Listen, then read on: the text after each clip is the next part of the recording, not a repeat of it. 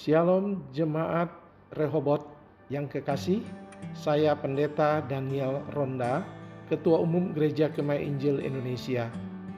Selamat mengikuti podcast RHB Pastoral Ministry yang memberkati saudara-saudara semua. Tuhan memberkati kita.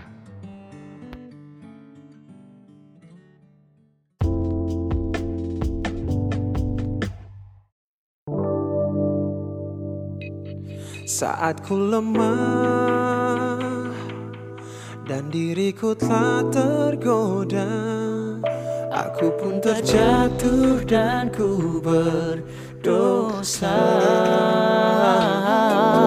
Namun karena dia Darahnya membebaskanku dari jalan Kini ku bersaksi karena Ku bersyukur Ku bersyukur.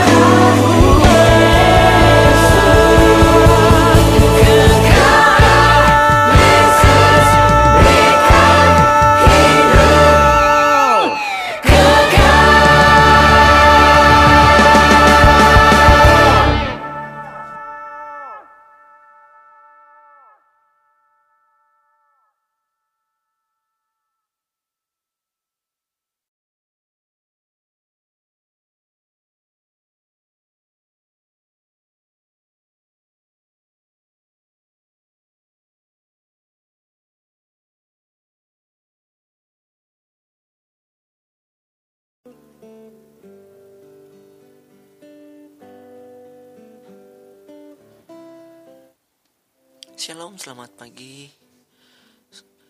Bersyukur kita ada di Selasa 30 Juni 2020 oleh kemurahan Tuhan dan kita masih berjumpa hari ini melalui siaran ini tentunya juga oleh kemurahan Tuhan. Saya percaya semua jemaat dalam keadaan baik-baik, terpelihara dan diberkati Tuhan. Dan sebelum kita beraktivitas, mari kita merenungkan satu bagian firman Tuhan yang terdapat dalam kitab Injil Yohanes pasal 5 ayat 26 sampai 27. Sebelum kita merenungkannya, mari kita bersatu dalam doa. Kepadamu ya Tuhan pemilik kehidupan kami. Yang kami ada hari ini oleh karena anugerah Tuhan. Sebelum kami melakukan semua aktivitas kami di pagi ini, kami rindu diisi firman-Mu supaya hidup kami hanya dipimpin oleh kebenaran-Mu. Supaya kami semakin serupa dengan Kristus, hidup beribadah setia kepada Tuhan di tengah-tengah pandemi ini. Dalam namamu kami berdoa dan bersyukur Tuhan Yesus. Amin. Kekasih Tuhan, firman Tuhan terdapat di dalam Injil Yohanes pasal 5 ayat 26 sampai 27 berbunyi demikian. Sebab sama seperti Bapa mempunyai hidup dalam dirinya sendiri, demikian juga diberikannya anak mempunyai hidup dalam dirinya sendiri. Dan ia telah memberikan kuasa kepadanya untuk menghakimi karena ia adalah anak manusia. Saya ulangi, firman Tuhan berbunyi, sebab sama seperti Bapa mempunyai hidup dalam dirinya sendiri. Demikian juga diberikannya anak mempunyai hidup dalam dirinya sendiri. Dan ia telah memberikan kuasa kepadanya untuk menghakimi, karena ia adalah anak manusia. Tema kita di pagi ini, Tuhan pemilik kehidupan. Mengapa kekristenan sangat berbeda dari agama-agama di dunia? Karena kekristenan bukan sekedar sebuah agama, kekasih Tuhan. Kekristenan adalah sebuah relasi dengan Allah yang hidup. Yesus, anak Allah Bapa dan pribadi kedua dari Allah Tritunggal, merupakan pusat figur dari pesan penginjilan kita. Hari ini banyak pendapat-pendapat membuat klaim-klaim yang lain. Kalangan ateis berkata tidak ada Allah. Kalangan politeisme menganggap Yesus salah satu dari banyak ilah. Kekasih Tuhan dalam cerita seorang hamba Tuhan ketika pertama kali pergi ke negara-negara timur. Hamba Tuhan ini mempelajari bahwa ketika menyampaikan undangan untuk menerima Kristus, hamba Tuhan ini perlu menjelaskan kepada para pendengar supaya hamba Tuhan ini agar mereka berbalik dari ilah-ilah lain dan berbalik kepada Allah yang benar dan hidup seperti yang dinyatakan di dalam kitab suci. Seringkali ya kalau kita lihat KKR-KKR dan para hamba-hamba Tuhan yang menjadi pembicara pada saat itu mereka melakukan menantang untuk orang menerima Yesus. Demikianlah juga yang terjadi di dalam kehidupan seorang hamba Tuhan ini. Firman Tuhan berkata, saudara, bahwa kita sebagai utusan-utusan Kristus 2 Korintus 5 ayat 20 dengan berani menggembakan keyakinan yang dimiliki oleh rasul ketika ia menegaskan Rasul Petrus menegaskan bahwa engkau adalah Mesias anak Allah yang hidup dalam Matius 16 ayat 16 sebutan Mesias atau sebutan Kristus dalam bahasa Yunani-nya berarti yang diurapi. Ini adalah istilah yang juga dipakai dalam bahasa Ibrani-nya Mesias dan bahasa Yunani-nya saya ulangi. Kristus. Pribadi yang diurapi yang akan diutus Allah untuk menyelamatkan umatnya. Petrus dan rekan-rekan sesama Yahudi merupakan seseorang yang pertama kali percaya pada masa gereja Kristen mula-mula. Mereka mengenal Yesus Kristus sebagai Mesias yang dijanjikan di dalam Perjanjian Lama. Periode sejarah dunia, mereka merupakan salah satu periode yang penuh dengan keputusasaan. Ketika kita mendengar dan mempelajari firman Tuhan bahwa dari Perjanjian Lama sampai Perjanjian Baru, eh, kitab terakhir Nabi Maliaki. Setelah itu Tuhan tidak lagi berbicara kepada bangsa Israel yang dikenal dengan periode kegelapan. 300 tahun kemudian ya baru Allah datang ke dunia dan berinkarnasi dan saya coba membayangkan bangsa Israel pada periode itu ya ketika Allah tidak lagi berbicara kepada mereka itu sebabnya dikatakan periode yang penuh dengan keputusasaan. Tetapi periode ini diubahkan, kekasih Tuhan. Diubahkan karena datangnya Mesias yang diurapi. Yang dijanjikan di dalam kitab perjanjian lama. Yang bersinar sebagai mercusuar di dalam kegelapan. Dan terangnya tidak pernah redup. Dalam dia ada hidup. Dan hidup itu adalah terang manusia terang yang sesungguhnya yang menerangi setiap orang sedang datang ke dalam dunia. Yohanes 1 ayat 4 dan ayat 9. Tuhan pemilik kehidupan. Mari kita berdoa. Ya Allah Bapa kami, bersinarlah ya Tuhan dengan terangmu yang mulia, menembus kegelapan, dan singkirkanlah si jahat ya Tuhan. Kami tahu Engkau adalah Kristus, anak Allah yang hidup, dan kami tahu Engkau adalah Raja di atas segala raja. Kami menyembah dan mengagumi Engkau. Tuhan, kami mempercaya Engkau. Kami akan mendapatkan dukungan dan kekuatan dari Kristus di dalam namanya kami berdoa yang adalah pemilik kehidupan kami. Dan melalui doa ini kami teringat buat saudara-saudara kami yang dalam kelemahan tubuh. Bapak Ais, Tuhan tolong. Dengan keadaannya yang sekarang terbaring di tempat tidur, kami terus bermohon kepada Tuhan biarlah Engkau menolong Bapak Ais memberikan lawatanmu. Mama Non, dalam mendampingi Bapak Ais. Tuhan tolong berikan kesehatan.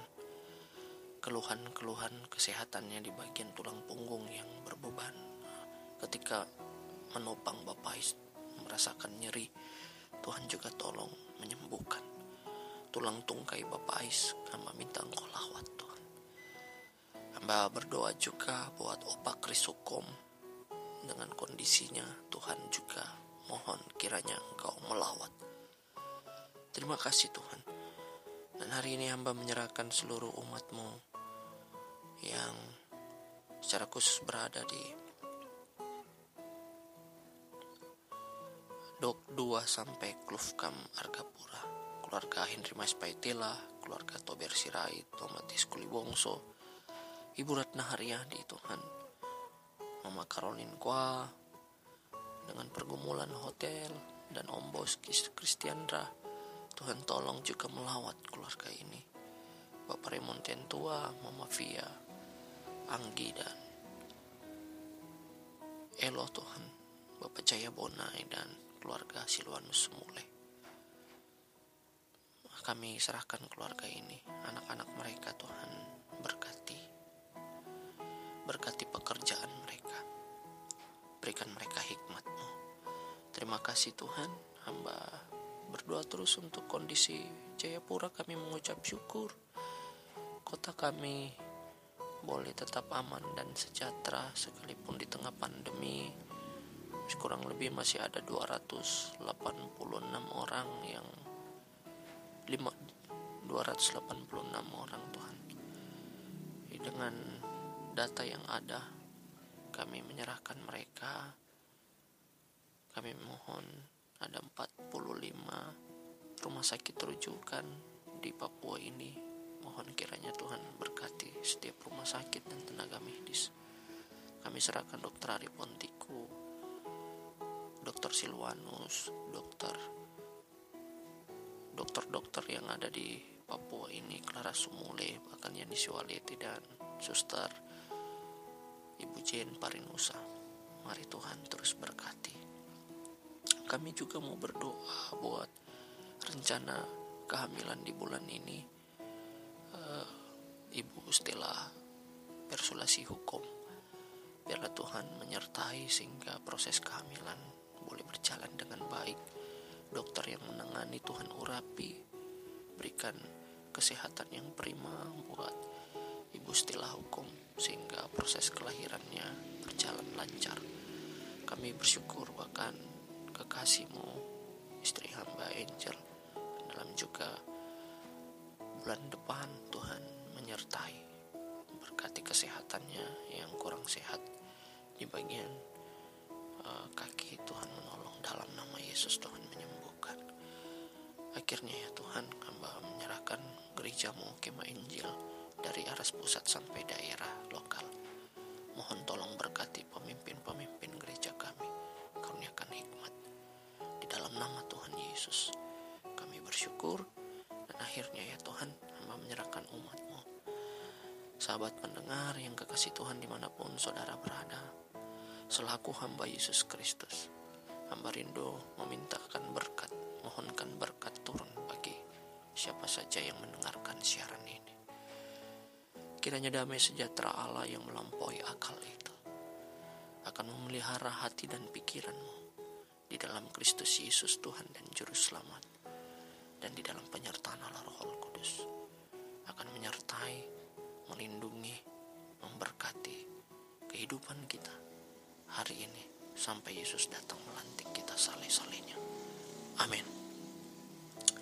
Selamat pagi, selamat beraktivitas, sehat selalu. Tuhan Yesus memberkati kita semua.